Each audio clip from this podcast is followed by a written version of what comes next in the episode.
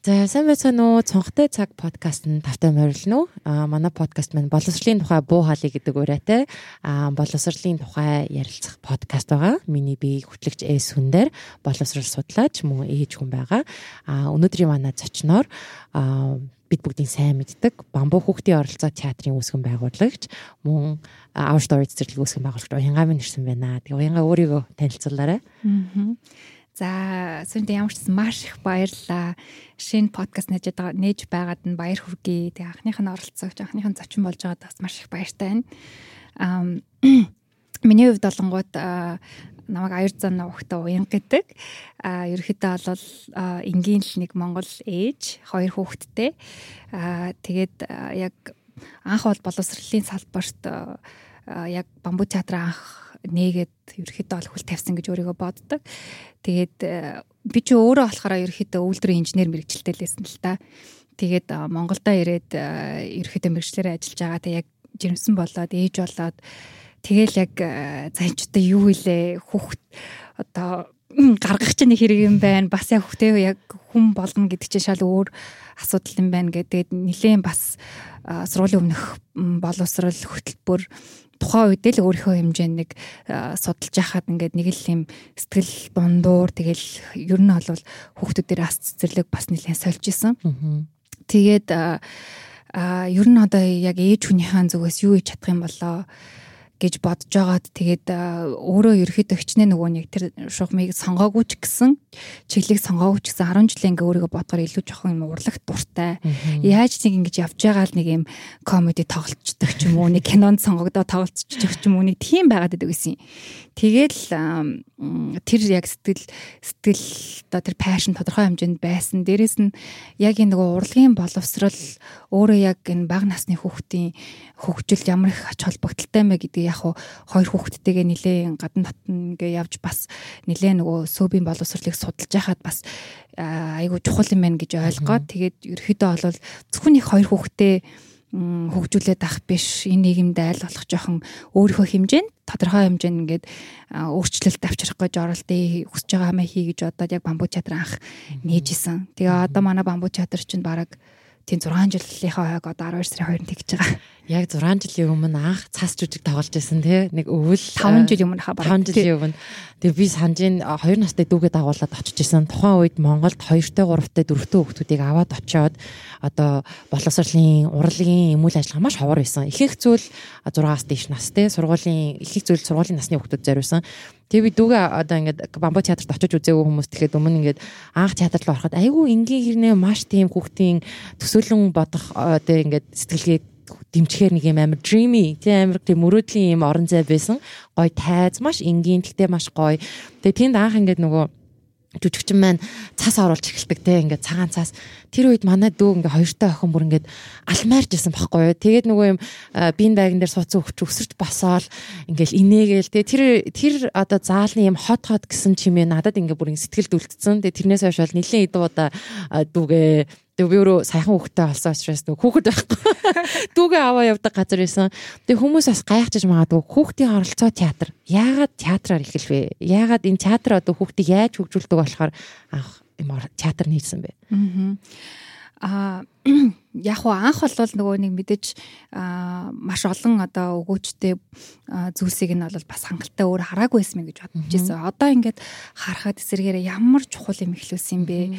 Ямар том ач холбогдолтой зүйл юм бэ? Тэгээ энийг зөвхөн одоо театр дотор л театр үздэг биш. Ер нь энэ театр драмын урлагийн салбар одоо энэ театр драмын боловсрал гэдэг зүйл өөрөө яг энэ боловсролын салбарт сургуулийн өмнөх насны бол одоо сургуулийн өмнөх боловсрал буюу цаашаа энэ 10 жилийн боловсрал боловсролд асар их ач холбогдолтой юм байна. Тэгээ тэр нь яг манай Монгол ерөөс огт хөгжөөгүй юм байна гэдэг дээр бүр ингээд айгүй их одоо сэтгэл төвшөж тэгээ яг манай бамбуу театрын одоо бас зорилго маань ч гэсэн энэ жилээс айгүй их тийм стратегийн хувьд нэлээд чиглэлээ өөрчлөөд одоо чиглэлээ илүү томсгоод зөвхөн 0-оос 12 нас байсан бол илүү одоо бүр 18 нас хүртэлх хүүхдүүд одоо өсвөр насны хүүхдүүд хүртэл үйлчилж очиж ажиллах зорилготойгоор ажиллаж байгаа. Тэгэд яг хуу театрын боловсролыг ингээ харахаар мэдээж урлагийн боловсрол аягүй чухал гэж ярьдаг. Тэгээ урлагийн боловсрол ер нь хаанч гэсэн дандаа л нэг хоёр дахь сонголт байж байгаа. Хизээчтэй нэгтгэх нь байдаггүй. Мат физик нэгтэй. Тий, тий, мат физик гэсэл одоо нөгөө хил нэгтч гэдэг юм уу. Дандаа тэгэж эцэгчүүд маань ханддаг. Тэгээд одоогийн ингээ нийгэмд ингээ харахаар ялангуяа одоо энэ ковидын э, дараа ч гэсэн ингээ харахаар нөгөө хүн гэдэг чинь өөрөө яг л нийгмийн амьтан. Тэгээд нөгөө ковидаар ингээ бүгд ингээд э, гэр гертээ суугаад ингээ харахаар бүгдээрээ ингээ нэг юм ганцаардмал стресстэй, депресстэй. Тэгээ тэрийг бас яг ойлгохгүй. Тэгээд одоо яг энэ ковид үеэр төрсөн хүмүүсийн онцлог бас нэлээд э, энгийн бусад үед өмнө төрсөн хүмүүсээс айгүй өөр байгаад байна. Тэгээ ингээ анзаарч хахаар үнэхээр нэрээ хүн гэдэг чинь өөрөө яг нийгэмдээ ямар нэгэн байдлаар оролцоотой, харилцаа хамааралтай холбогдож амьдрах нь айгүй чухал байгаад байна. Тэр яг тэр одоо тэр нийгэм шүү сэтгэл зүйн боловсрал өөр өөрийгөө олж нэх таних өөрийгөө илэрхийлэх бусдад харилцах харилцаа гэдэг асар их чухал байгаа юм л да. Тэгээ тэрийг тэрийг одоо яг хамгийн сайн өгч болж байгаа зүйл би театр гэж хараад байгаа сүүлийн үед те. Бидний ер нь ингээ хүмүүс ингэж бодож магадгүй. Өө цэцэрлэгийн насны хүмүүс чинь дандаа л дуулж бүжиглүүлдэг. Дандаа л шинэ жилээр концерт тоглуулдаг. Өө 10 жил чинь тэгэл дандаа л урлын үзлэг гэл зөндөлөх урлагийн боловсрал байгаа гэж магадгүй.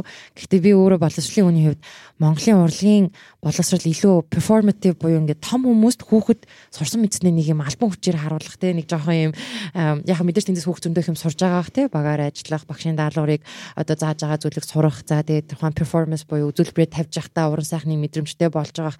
Гэхдээ зарим нэг зүйл жоохон тутмаг санагдаад байдаг байхгүй. Энэ талаар та ер нь юу гэж боддог вэ? Бамбуу театр бидний мэддэг урлагийн боловсролоос югаараа өөр одоо боловсрол олгож байгаа вэ?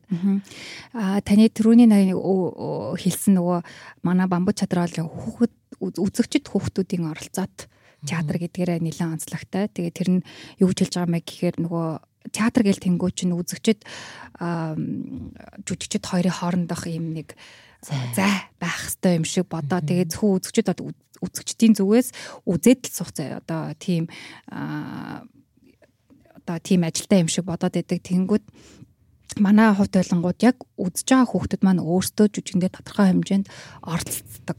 Тэр дундаа бага насны хүүхдүүд угаасаа яг юм одоо энэ үзэр үйлчилгээ ч юм уу энэ театрын урлаг энэ боловсролд бол яг оролцож явах хэвээр тэр ч уртгаараа манах яг албаар юм одоо гэрийн ч юм уу бага театрын юм жижигхэн өрөөндөх юм театрыг анх байгуулж исэн. Тэгээд бага насны хүүхдүүдийн хувьд олонгууд өөрийгөө илэрхийлэх тэр орон зай ерөөсөө хангалттай байдаггүй. А эцэг эхчүүд ч гэсэн нөгөө нэг мэдээж нөгөө ялангуяа анх эцэг болж байгаа хүмүүс болохоор эцэг хүүхдүүдээ яаж одоо өөрийгөө илэрхийлэх юм яаж одоо тэр бүхэндээ байгаа байдлыг нь ойлгохын гэдэг юмнуудыг ерөөс бас нэг нэг тэгж ажиглаж анзаарч хардаггүй. Тэнгүү та одоо яг тэр зас жүжигэн дээр ч байна уу? Одоо ийм бага насны одоо нөгөө 0-оос 4 настай хүүхдүүдийн хувьд болонгууд тэр орон зай айгу дутагтаад байгаад идэг. Тэгэхээр яг тэр тайзан дээр гарангууд хүүхэд өөрийнхөөрөө яг тэр нэг мэдрэмжүүдээ гаргаад илэрхийлээд тэр нэг өөрийнхөөрөө байх орчингийг бүрдүүлээд өгөхөөр хүүхэд айгүйх нээгдэж эхэлдэг. Дээрээс нь бид нар нөгөө 0-оос 4 настай хүүхдүүд чинь мэдээч нөгөө орчноосоо хамаараад нөхцөл байдлаасаа хамаарад жижигхэн юм лимитэд одоо орчинд л амьдраад байгаа ш. Тэгэхээр яг тэр юм тайзны урлагаар ингэ дамжуулаад өөр ертөнцүүдийг тэр яг өөрийн чинь төрөний хэлэг төсөөлөн бодох юм бүр юм гой мөрөөдлийн ертөнцийн хүртэл одоо дэлхийн ертөнц ямар их баялаг юм бэ ямар гой байж болох юм бэ гэдэг өөр одоо юм гой мэдрэмжүүдийг мэдрүүлэх тэр айгүй чухал. Дээрэс нь нөгөө empathy гэж ярьдаг. Тэрийг бас маш их сайн өгдөг хүүхэд мэдээч нөгөө маш олон мэдрэмжүүдийг мэдэрж байгаа ч гэсэндээ тэрийг илэрхийлж сураагүй байдаг. Тэгэхээр тайзан дээрээс яг тэр одоо жүжигчд байна уу бусад хүүхдүүдийн тэр харж байгаа байдлыг одоо тэр нэг сэтгэл хөдлөлийг илэрхийлж байгаа байдлаас нэр би ч гэсэн ингэж ингэж мэдэрдэг. Тэгээ эн чин тэгвэл уур юм байна. Эн чин тэгвэл одоо халамж юм байна ч гэдэг юм уу. Тэр мэдрэмжүүдийг бас аягүй сайн олж авч тийм empathy одоо тэгээд хүний өмнөөс одоо тэр ойлгох тэр чадвар одоо өгөөмөр байх гэх юм уу, compassionate байх гэдэг юм уу. Тэр юм ингээ суурийг айгуу гой тавьж өгдөг юм шиг надад театр санагддаг. Анх би бас айгуу сонирхол асууж энэ л та нөгөө Даны театр иржсэн санаж байна те айгуу гой э, театр тавьж исэн. Тэгээ ер нь ингээд судалгаагаа явж байхад бус бусад улс оронд энэ театрын боловсрол ямар хөө төвшөнд хөгжсөн байд юм болоо яаж авч үздэм болоо яаж хэрэгжүүлдэм болоо. Аа ам одоо Европын орнууд бол маш өндөр хөгжил хөгжсөн байгаа. Тэгээ дайнл хэл 100 гаруй хүүхдийн театртай одоо Солонгос одоо Азийн орнуудаас гэх юм бол Солонгос бол бас асар хурцтай яг энэ бага насны хүүхдүүдэд зориулсан театрын боловсрол маш их хөгжиж байна. Тэгээд ерөөхдөө бол цэцэрлэг сургуулиудаар хамгийн багтаас ардаа нэг удаа очиж тий одоо театр үзүүл үзүүлбэрүүд очиж тэр дундаа одоо нөгөө юм фрилансер одоо юм ганцаарчлсан одоо өөрөө ч жүжигээ найруулцдаг жүжиглэлцдэг зураачаа хийчдэг тийм хувь хүмүүс тэгээд театр байгуулад тэгээ заавал юм нөгөө нэг газар суурилсан юм театртай биш. Энэ тэнд ингээд зүгээр очиж захиалгаар очиж тоглодог ийм театр сүүлийн үед айгүйх нэлээ хөгжиж байгаа. Тэгээд манай Монголын үед олонгууд одоо хүүхэлдэйн театр манай улсын театр байгаа. Тэгээд хөдөө орон нутгуудад бас нэг 6-аас 7 энэ хүүхэд залуучуудын театрууд байдаг.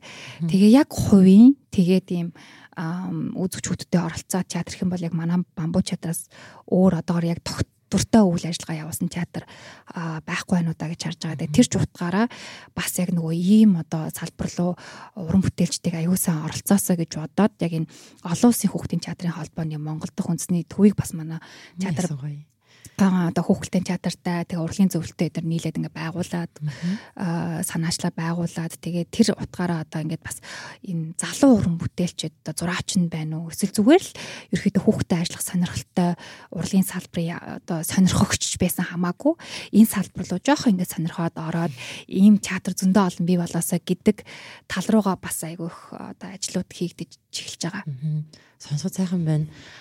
Би бас өөрөө сая ээж болоод эцэг эхчүүд их харж байхад нэг тулгардаг асуудал нь 0-оос 3 насыг бол илүү хасаргаа арчилгааны нас гэж хардсан болов уу гэж анзаарчихсан. Аа ерөөхдөө өө энэ насанд бол хүүхэд голтуу ингээл эрүүл саруул өсөх нь амар чухал те. Өө юун дээр театрт гэдэг юм уу те. Одоо ерөөхдөө сүүлийн үеийн бас олон улсын байгууллагын хөтөлбөрөөр айгүй хүүхэдтэй ном уншиж өгье хүүхэдтэйгээ хамт ажиллая гэд иймэрхүү санаачлагууд манай төрийн зүгээс ч гэсэн бас дэмжлэгтэйгээр явж байгаа нь айгүй сайшаалтай. Тэгээ яг уу одоо уянгаа маань бас бамбуу театраа үргэлжлүүлээд одоо үйл ажиллагаа нь бас жоохон төрөлжөөд саяхан Harvard-ийн их сургуульд боловсрол бодлого чиглэлээр сурч гисэн. А тэгсэрний одоо сөөбийн боловсрол руу орсон. За тэгээ хүмүүст гэж хэлэхэд боловсрол боловсрол дундаа хамгийн хүнд бараг салбаруудын нэг бол сургуулийн өмнөх боловсролын салбар байдаг. А энэ бага насны хүүхдүүдтэй ажиллах. За ялангуяа Монголын уламжлалт одоо тогтсон сэтгэлгээгээр бол сургуулийн өмнөх боловсрол боيو цэцэрлэгээс бид нар илүү сайн хүүхдийг аюулгүй байлгах, хоолуудтай дулаахан тий сайхан унтуулад ингээд арчилгаанд нь айгүйх анхаардаг багш нарын баг өдрийн хийж байгаа ажлынхын цагийг харахаар дийлэнх нь хүүхдийн арчилгаанд явж байдаг. Тэгээ миний хувьд бол сая хүүхдээ Америкт цэцэрлэгт нэг жил өгөхөд ерөөсө арчилгаанаас илүү боловсролт нь маш их анхаардаг. Өнөөдөр юу гэж хэлв, нэг шин үг сурсан уу гэдэг дээр хүртэл айгүй акцент өгдөг. Тэгэхээр би бас яг энэ сөөбийн боловсрол айгүй өөр үт юм байна гэдгийг харж байсан. Тэгээд уянгаа ер нь сурж ирээд ягаа сөөб рүү орчоо, ямар одоо энэ нөгөө our story цэцэрлэгээрээ нээж байгаа те ягаа сөөб рүү орчоо энэ талаараа яриад. Тий. Аа гоё асуулт байна. Би ч нөгөө нэг анх Харвард руу явахдаа болохоор арай жоохон нэг юм том нөлөөлөл авчирмаар байна те. Уустаа боловсролын салбарт тодорхой хэмжээний одоо нөгөө дээрээс ч юм уу те. Нэг бодлогын төвшөнд ч юм уу. Те. Те бодлогын төвшөнд нь л өөрчлөлт харуулахгүй бол ерөөсө болохгүй мэн гэсэн толгоондоо бодолтойгоор очиод тэгээ яг бодлого дүн шинжилгээгээр төгссөн. Гэхдээ яг тэр тухайн үед сурж байхад бол нөгөө ямар ч хичээл авах боломжтой байсан. Mm -hmm мэдээж гол авах хөстэй хичээлүүдэд авахаас гадна хажуугаар би дахиад нөгөө театрынхаа тий театрын хичээлэгч авч үзсэн. Тэгээд нөгөө сөөбтэй холбоотой сургуулийн өмнөх салбарынхаа бас хичээлүүдийг ч гэсэн авч ирсэн. Тэгээ ингээд харангуут нөгөө өөрчлөлт гэдэг тухайн улс орнд заавал нэг амар дээрээс доошо удирдлагатай байх албагүй юм байна. Одоо чиглэлтэй байх албагүй юм байна. Энэ харин эсрэгээрээ бас доороос нь эхлэж ер нь ямар ч амар том өөрчлөлтүүд амар жижигхэн энгийн зүйлээс эхэлт юм байна. Тэгээ тэр дундаа яг энэ боловсролын салбарыг үнэхээр өөрчлөе гэж бодож байгаа бол энэ яг одоо төрж байгаа бараг одоо жирэмсэн байгаа ээж нартай хамт ажиллахаас гадна яг 0-5 наснд нь л хамгийн сайн анхаарах хэрэгтэй юм байна. Тэгээ таны яг өөрөө чинь түрүү хэлдэг те яг энэ манай Монголын уламжлалт сөөбийн хөтөлбөр маань илүү яг асаргаач гэдэг юм уу эрүүл мэнд талаас нь ч гэдэг юм уу анхаарсан байгаад байдаг. Гэтэ бид нар айгүй том юм алдаад байгаа нь одоо яг энэ 0-5 хамгийн их суралцах боломжтой энэ одоо цаг үеийг нь айгүй алдаад байна гэж харсан. Тэгээд одоо нөгөө Нобелийн шагналтан эдийн засагч ямар хэкмен үлээ яг тэрний нөгөө онлоор байдаг штэ. Угаасаа нөгөө нэг энэ манай монголчин бас тийм амар хөгжилтэй орн биш. Хөгжиж байгаа орн тэгээд э, нөгөө тэр тэр хүний судалгаагаар юу гэж гарч исэн бэ гэхээр нөгөө энэ одоо доогуур орлоготой гэр бүлүүдийг ч гэдэг юм уу тэр одоо нөгөө процентыг тухайн улстай багасгахын тулд ерөөсөө энэ сөөбийн боловсролт нь анхаарлаад анхаарлыг хандуулчих юм бол эргээд одоо буцаж орж ирэх тэр инвестмент нь хамаагүй илүү их байгаад байна гэд.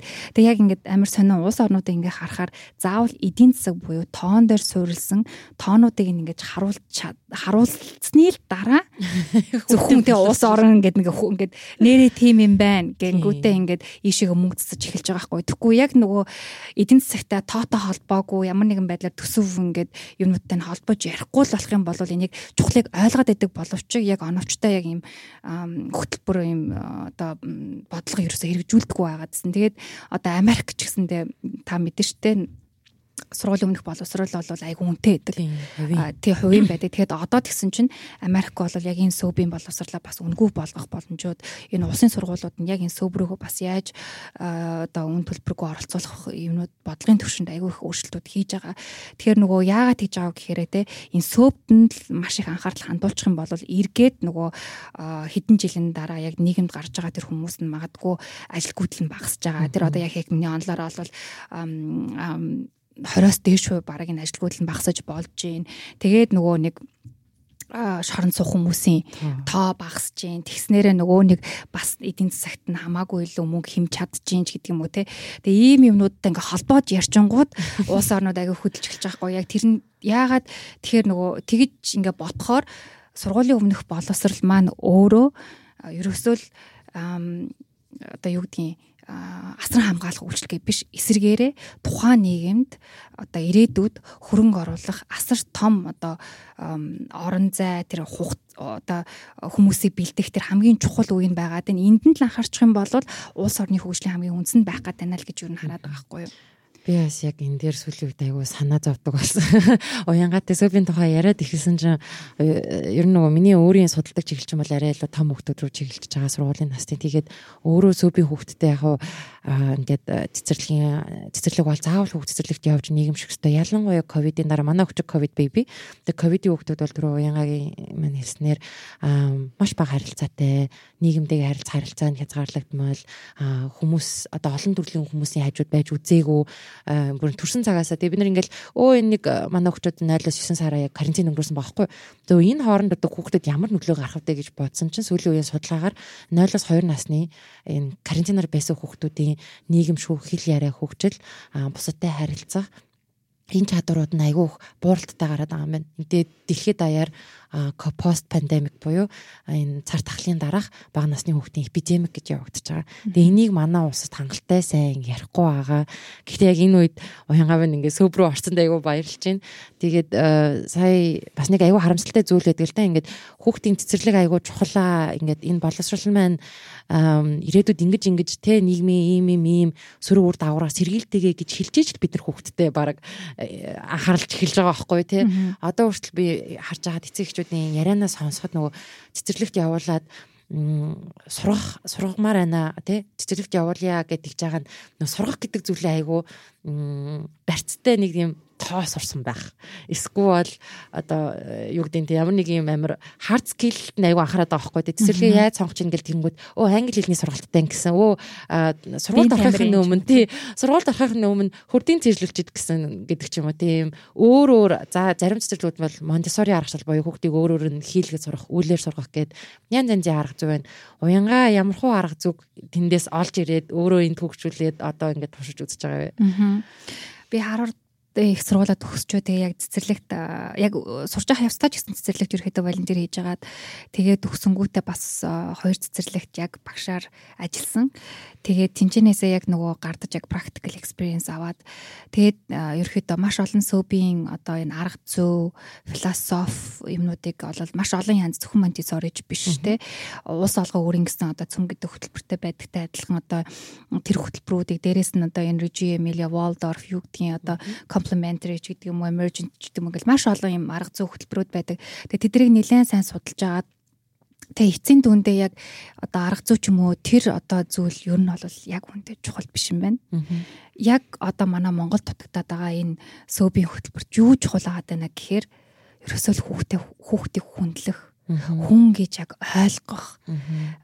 Тэр хүн өөрсдийн гэсэн дуу хоолойтой тэгээ тэрийг ингээд аюулсан ажиглаж анзаарч дэмжих л үүрэгтэй гэдэг. Ерөөсөө одоо эцэгчүүд бол манай багш нар аюулсан ойлгохгүй байгаа тань хүүхдүүдийг ингээд бяцхан зүгээр нэг юм одоо хөгж одоо тэ одоо багш нэг одоо нэг чиглэлээр зөвхөн багш л мэддэг юм а хүүхдэд оолгоо тэр хүүхэд одоо жишин цаасан дээр ингээд багш өөрхөн дуртай юм бичих бичиж байгаа юм шиг байдлаар ойлгоод байгаа юу?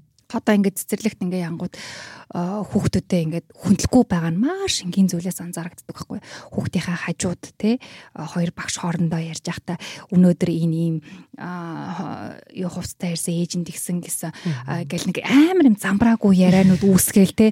Тэгэл хүүхдүүдэд хооронд нь харьцуулж яриа л те тэгээд ингээд яриад байгаа нь өөрөө одоо тэнгууд ингээд цэцэрлэгийн ангид дотор ингээд байж хат чинь хаа хамаагүй хүмүүс орж гараал те.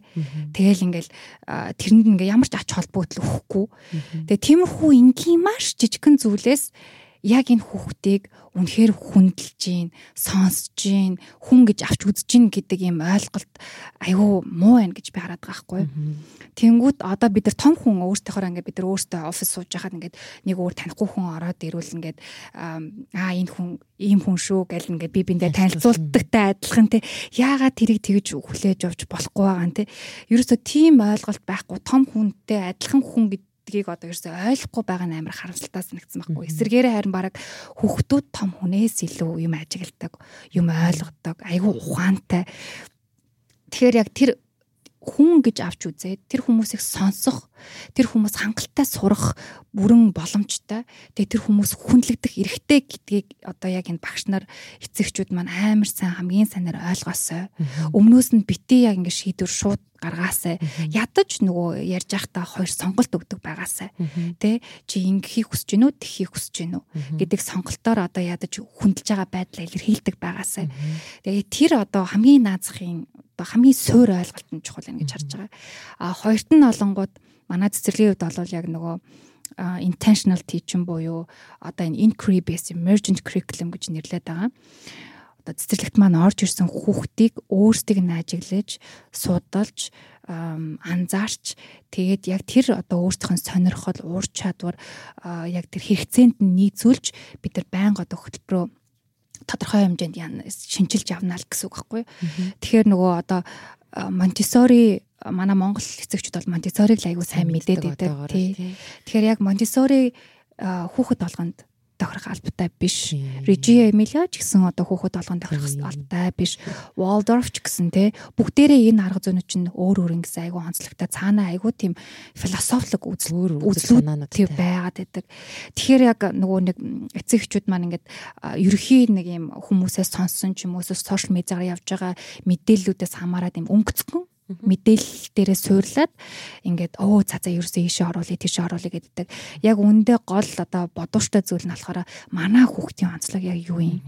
Манай хүүхэд яг юунд дуртай? Үнэхээр гадаа байх, айгүй их юм хөдөлгөөнтэй, тэ юм итгэхтэй, юм ирч хүчтэй ингээд байн хөтлж ивэл айгүй дуртай байдаг. Тэр хүүхдэд бол бас магадгүй тодорхой хэмжээнд Waldorf илүү зохих арга зүй байж болно те.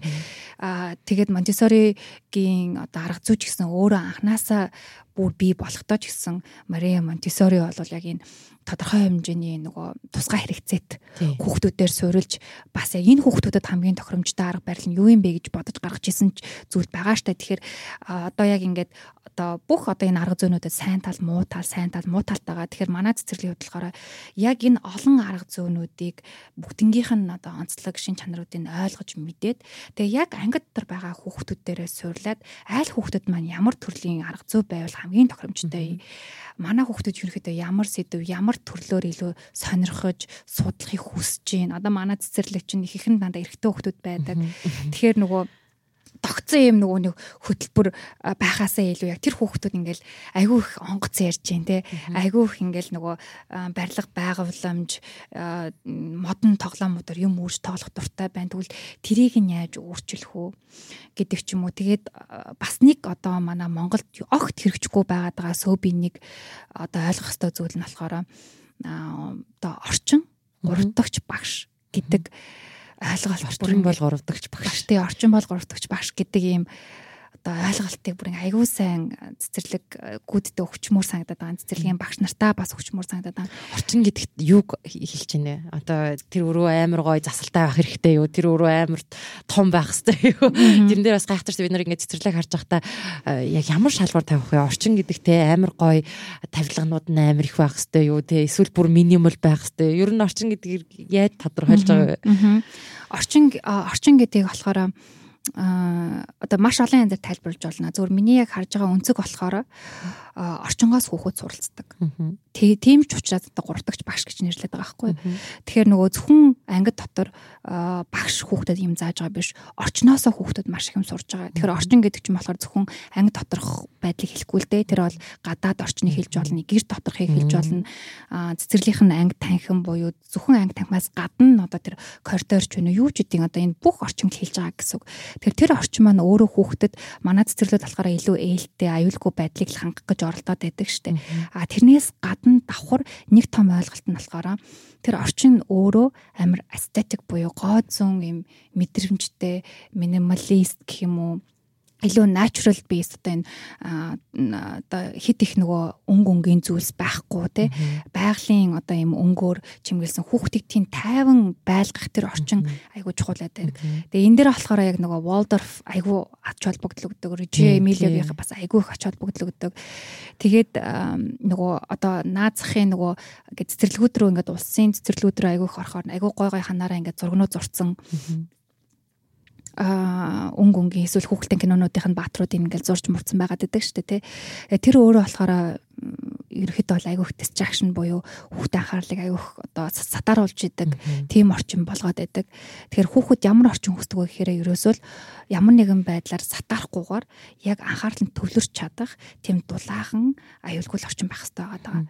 Тэгээ тэхийн тулд л одоо тэр орчин одоо одоо тавилга э, гэж жишээ нь ярихад болохоор тавилга нь өөрөө байнга хөдөлдөг байх боломжтойгоор. Яг гэх юм бол тэр тухайн ангид ямар хүүхэд байгаагаас хамаарат тавилгуудынхаа байрлалыг маш их олон янзаар өөрчлөх боломжтой байдлыг одоо бэлэн байлгаж явах хэрэгтэй. Одоо чинь манай цэцэрлэг чинь сая 2 сар одоо байж хахад 3 удаа тавилгаа өөрчилж байгаа хгүй доторх тавилгаа. Яадаг юм бол хүүхдүүдийн анхаарлыг төлрүүлэхийн тулд яг ямар конфигурацтай ямар одоо байрлалд аль хэсгийг нь яаж байрлуулах зөвөрөг ингэүүд хүүхдүүд өөртөө орж ирэнгүүд хаана аль хэсэгт нь илүү их гүйж гин аль хэсэгт нь илүү тоглож гин гэдгээс хамаарат тэгээ яг тэр нөгөө анги доторх дүүрэм одоо хэрэгжүүлэх гээд байгаа тэр үйл ажиллагаануудаа бодож жогоод тэгээ тэрийг одоо ингээд 2 3 дахин бид өөрчилсөн байгаа байхгүй. Тэгээд ингээд өөрчлөлт эрэнгүүт хүүхдүүдийн анхаарал төлөвлөлт нь тэгээ хоёр дахин одоо сайжирж байгаа байдал бид нар анзаарч байна. Амар том анги танхимтай бид нар хоёр анги нийлүүлсэн байжсэн чинь ингээ айгүй их нөгөө open space те нээлттэй юм нөгөө орон зай их байгаад байх тусам хүүхдүүд айгүй их гүйд юм байна. Айгүй их амархан сатаарт юм байна. Тэгэхээр тэрийг илүү хумаад Тэ? Яг энэ одоо онцгой болонгуудыг илүү өөрсдийнх нь дуртай байгаа болонгууд дээр нь төвлөрөөд тэгээ тэрийг ингээ яг хайрцагсан байдлаар засаж янзлаад тэгээ тухайн яг булан гэж одоо булан гэхүү төв гэхүү тэ? interest area гэж ярьдаг тэ?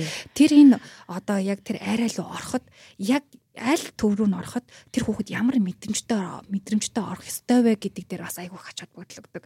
Одоо жишээ нь модон тоглоом буюу блок төв дээр ингээд хүүхэд орох жоохта гүүж ингэж ороод нөгөө нэг найзаагаа хийсэн юмыг нураах гэж байна уу? Эсвэл ямар ч төлгөөгөө орж ирж гинүү гэдэг чинь бас айгүй чухал байгаа байхгүй. Тэгэхээр тэр блог area дээр яаж тэгвэл хүүхдийг айгүй тайвнаар transition хийж оруулах вэ гэдэг чинь айгүй том оо философи бас цаана явж байгаа. Тэгэхээр бид нар одоо яг тэр блог area-га айгүй жижигхэн онгоорхоо зайдаа үлдээгээд тэгээ орж ирэхэд нь багш нь яг тэр үүдэнд нь зогсоод okay what's your plan? тэ чиний төлгөө энэ одоо яг төв рүү ороод юу гэж байна гэ тэгээд ямар нэгэн мэдээж төлгөө байхгүй байх юм бол бас багш сонголт өгнө. Аа тий одоо энэ найз чинь одоо цэцэрлэг байгуулж чинь. Чи энэ цэцэрлэг байгуулахад нь хүм одоо хүүхдүүдийг авч туслах уу? Эсвэл чи өөрийнхөө байрлалыг байгуулмаар байна уу? Гэт ингээд нэг юм ядаж нэм бодох нэг юм жоохон моментиг өгөөд тэгээд нэг амсаагийн дараад тэгээд тэр ингээд нэг төв рүүгээ оруулаад нэг жижиг спейс айгүй анхаарал төвлөрсөн тэр моментиг бий болгоно гэдэг амар чухал байгаа байхгүй. Тэр иймэрхүү зүйлсүүдээр ахуулаад ингээд орчин гэдэг бол өөрөө яалтчгүй гуравдагч багш байдаг. Яг гэх юм бол материал тэр байгаа одоо орчны мэдрэмж тэр эстетик буюу тэр гоо зүүн байгаа байдлаас хүүхдэд өөрөө цаанаасаа л айгүй юм суралцж идэг. Тийм. Тэгээс тэрнэр нөгөө бага насны хүүхэд ч аяух мэдрэхүүгээрээ суралцдаг. Харах, сонсох, хуруугараа мэдрэх, амтлах. За бүр жоохнууд нь тий. За ялангуяа манай хүү бол аутизмтай, аутизмтай хүүхдүүд бол аяух хэмиг амандаа идэг. Яагаад тэр нөгөө аягүй сонирхолтой байлээ тэр ингээ нөгөө бид нар чинь юмыг хараад за энэ нэг модон өнгөтэй байл би энийг долоочвол нэг юм миний хэлэн мэдрэгдэндээ гэд бид нар нэг юм мэдээлэл байдаг. Тэрийг хүүхдүүд нөгөө нэг юм яг 0-оос 1 насандаа олж авдаг гинэ бүх юмыг амандаа хийж тэрийг ингээ регистр цээжилж авдаг гинэ. Тэгээ аутизмтай хүүхдүүд тэрийг ингээ айгүй олон юмыг амандаа хийж үзчихэж л тэрийг аа энэ ийм ийм материалтай хүүтэн халуун байдаг гэдгийг ингээ сурж авдаг. Би болохоор нөгөө нэг бохир заван байдлаас нь санаа зовоод те одоо бактери авчих вэ тэрийгээ тэрэнд аюу стресстэй байсан чинь надад цэцэрлэгийн багш нь энэ хүүхдүүд ингэчээж л ийм цаасыг амандаа явал аманд нь ямар мэдрэмжтэй байхгүй гэдгийг сурж авдаг гэх тэгээд яг нөгөө манай хүү асыг хаттай явсан цэцэрлэг нь яг э, таны хэлж байгаа шиг нэг юм олон стейшн те за тэгэнгүүт дуу их гардаг хэсэг Тий. За тэндээ ингээл тустаас төмпө шанагаа одоо тэрийг хөгжмийн хэсэг гэдэг нэг юм янз янзын хөгжмийн зэвсэг тавьсан тэгснээ бүр тогоо шанах тавьсан тэр өөр хөгжим гаргадаг тий. А тэнгүүдээ нэг хэсэг нь болохоор нөгөө sensory play гэдэг ингээ янз янзын мэдэрч тоглолдог тэндээ шавар маавар ч юм уу усаар ч юм уу тоглолдог. Ийм юм өөр хэсгүүд байхаар нөгөө талаараас хүүхдэд нэг юм сонголт өгдөг тий.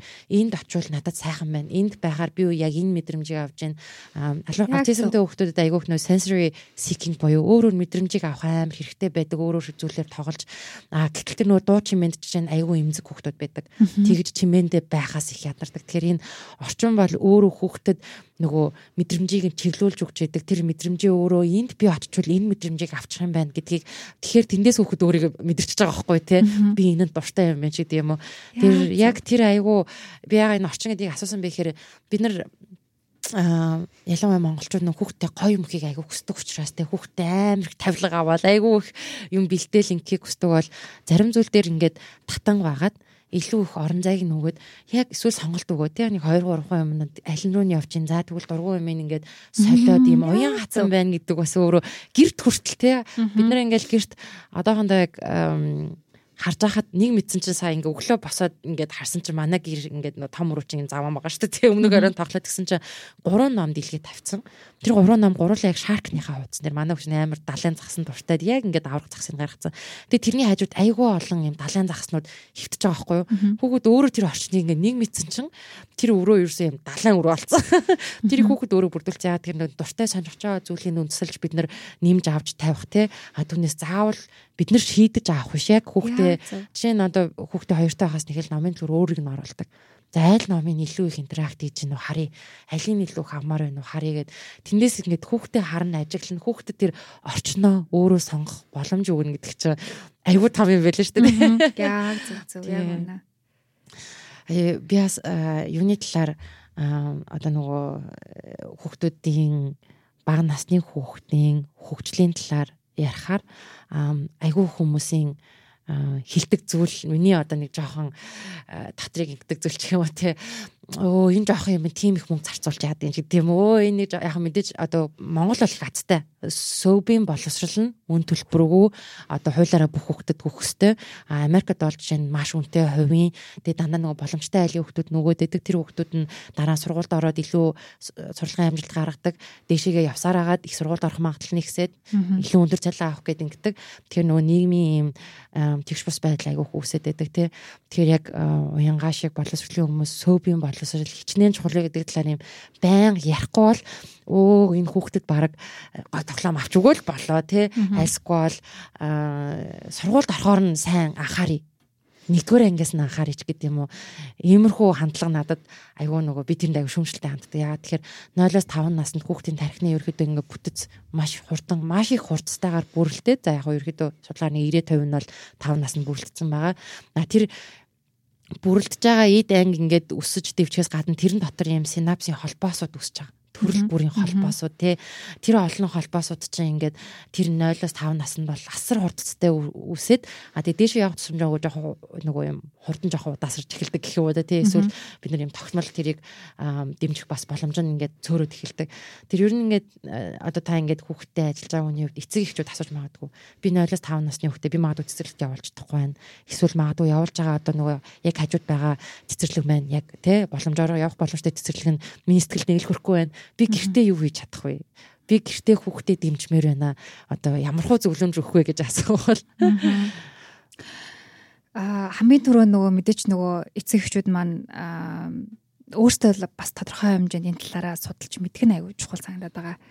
Аа ямар ч нөгөө одоо тэгэл интернет э, амар хөгжсөн хэмжээнд ямар ч мэдээллийг өөрөө л хүсэх юм бол аваад олчих боломжтой байгаа ш. Тэгэхээр тийм бэлэн одоо юу гэдэг сургууль цэцэрлэгт наатгаас илүү одоо яг нөгөө өөрийнхөө хүүхдэд тохирсон одоо тэр одоо сургуулийн өмнөгч гэдэг юм уу эсвэл энэ яг юу хэрэгтэй байгаа даа гэдгийг эцэгчүүд хамгийн сайн мэдэрч одоо эцэгчүүд ч бол хамгийн анхны багш нь шүү дээ. Тэгээд first teacher шүү дээ. Тэгэхээр яг тэр хүмүүсийн хувьд болонгууд хамгийн түрүүнд өөртөө жоохон мэддэг болох нь аягүй чухал санагдаад байдаг. Жоохон тэгээд нөгөө судалгааны төвшөнд те жоохон шинжлэх ухаанч хандаад тэгээд бас аягүй сониуч байгаад энэ тал дээр тэгэхгүй за за би боловсролын салбарын хүн биш юм чинь тэр мэддэг хүмүүс нь л манай хүүхдээ боловсруулад өгнө штэ тэгээд цэцэрлэгт нь хайдах биш Тэгэхээр өөртөө айгу тэр талаар сонирхдаг нэгдүгürt байх хэрэгтэй. Хоёрдугаарт хүүхдээ маш сайн ажиглаж сурах хэрэгтэй. Аа өөр хүүхдүүдтэй хүүхдээ харьцуулахгүйгээр зүгээр л яг хүүхдээ одоо ямар ч нөгөө саад хөхгүйгээр дунд нь одоо тоглож явахт нь оролцохгүйгээр 5 минут ч гэсэн зүгээр тоглож байгааг нь ажиглах, анзаарах. Тэгээ тэр чинь нөгөө өөрөө амар их мэдээлэл өгч болдог байхгүй. Тэгээд нэг тийм гой тайван сууж байгаа хүүхдээ юу нь юунд дуртай, юунд дурггүй байна юунд илүү одоо сониуч хандж гин ямар хоол идж гин гадаа харахаараа юу гэлөө барьж авч гин гэдэг юм уу жижигэн зүйлсүүдээр деталлуудаас айгүй их харагдаж идэг тэгэхээр тэрэнд жоохон ч гэсэн цаг гаргаад эцэгчүүд маа нөгөө ингээл баг насны хүүхдээ өөрөө чанартай цаг өнгөрөө ингээл цаг өнгөрөөх ёстой тэгэхгүй болохгүй гэдгийг ингээд аюу хүн дээр тусгаж аваад байдаг байхгүй тэр чин бол ууг нь бол өдөрт зүгээр л нэг тэ нэг 30 минут л анхаарахад тэр чин бол хангалттай чанартай цаг болчихж байгаа байхгүй тэгээд бас дээрэс нь юу ном сан уншиж өгөх. Номтой найзлна гэдэг өөрөө аюу том одоо хөрөнгө оруулалт. Тэгээд дээрэс нь гадуур бас аюусаа авч явах Тэ зөвхөн гэртээ байлгах биш. Одоо яг үнэхээр сургууль цэцэрлэгт явах боломжгүй байгаа нөхцөлд бол гоё галерей музейгээр авч явах ойлгохгүй байна гэж юусаа бодож болохгүй. Unconsciously буюу ухамсар ухамсар ухамсаргүйгээр одоо тэр хүүхдүүд маань бүх юма тархинда суулгаж байж одоо хөгжил байдаг. Төрөний ярьсан нөгөө синапсууд ингээл байнгын хоорондоо холбогдоод буцаасаад холбогдоод буцаасаад байгаа шүү дээ. Тэгэхээр тэр нөгөө холбоо синапсуудыг чинь л бат бөх байлгахын тулд маш их олон шин зүйлсүүдтэй танилцуул байгуулах а тийм одоо боломжуудыг эрэлхийлж өөрөө айгу ууггүй авч явах тийм одоо орчин нөхцөлийг бүрдүүлэх нь айгу чухал байхгүй. Тэгэхээр заавал нэг цэцэрлэг сургуулиудад ингэж бүх одоо ач холбогдлыг өгөх биш. Өөрсдөө хэцүүчүүд маань бас жоохон анхаараа. Тэгээ дээрэс нь нөгөө гол бас нэг юм нь болохоор эцэгчүүд өөрсдийнхөө сэтгэл зүйн боловсролд бас анхаарлаа хандуулдаг байгаасай. Ягаад гэх юм бол эцэгчүүд маань нөгөө өөрсдөө тодорхой хэмжээнд нөгөө хүүхэд нас нь ямар өнгөрсөн ч гэдэг юм уу өөрсдийнх нь тэр амьдралын туулж ирсэн юунаасаа болоод ингээд хүүхэд бас шаардлага тавих хүүхэд хүүхдээсээ ямар нэгэн байдлаар хүлээлт үүсгэх. Тэгээд нөгөө янз янзын трама авсан байдлаасаа болоод хит их санаа зовх манай хүүхд хичвэдэ ингэж хүйдэ гэснээсээ болоод ингээд тэрэндээ хит их автаж янз янзын хүүхдэд тохирохгүй шийдвэрүүдээ гаргах юмнууд аягүй анзаарагддаг. Яг тэр ч утгаараа адилхан одоо хүүхдүүдийн маань яг хоёр дахь багш бол багш нар байгаа цэцэрлэг сургуулийн. Тэгэхээр тэр багш нар дээрээ ч гэсэн би яг тийм л шаардлага ерөөсө тавьдаг. Хамгийн номер 1-р та тэр ангид ороход а одоо тэг гэр бүлд чинь өнөөдөр ямар нэгэн асуудал болсон уу? Та сэтгэл зүйн хувьд яг юм 50 байж чадж гин үү? Та хэрвээ ямар нэгэн байдлаар сэтгэл зүйн хувьд ч юм уу сэтгэл санааны хувьд эсвэл эрүүл мэндийн хувьд нэг тийм таагүй байгаа болвол та энэ ангид өнөөдөр орох хэрэггүй. Та гэртээ амраад очиод амар. Бүхэл бүтэн хичнээн сайн багш байгаад байгаад өөрөө сэтгэл зүйн үед ямар нэг асуудалтай л бол тэр хүүхдүүдэд үнэхээр холбогдож чадахгүй. Магадгүй бүр эсрэгээр муугар нөлөөлөх боломжтой байдаг учраас тэгэхээр яг тэр нөгөө эцэгчүүд маань өөрсдөө яг тэр сэтгэл зүйн боловсрал дээрээ бас давхар аягуулсан анхаардаг байгаасай. Харин тийм ээ. Сайхан манай нөхөр надад хэлсэн ингээд хүүхдээ хүмүүжүүлэх чи өөрийгөө л хүмүүжүүлэх ажил юм байна.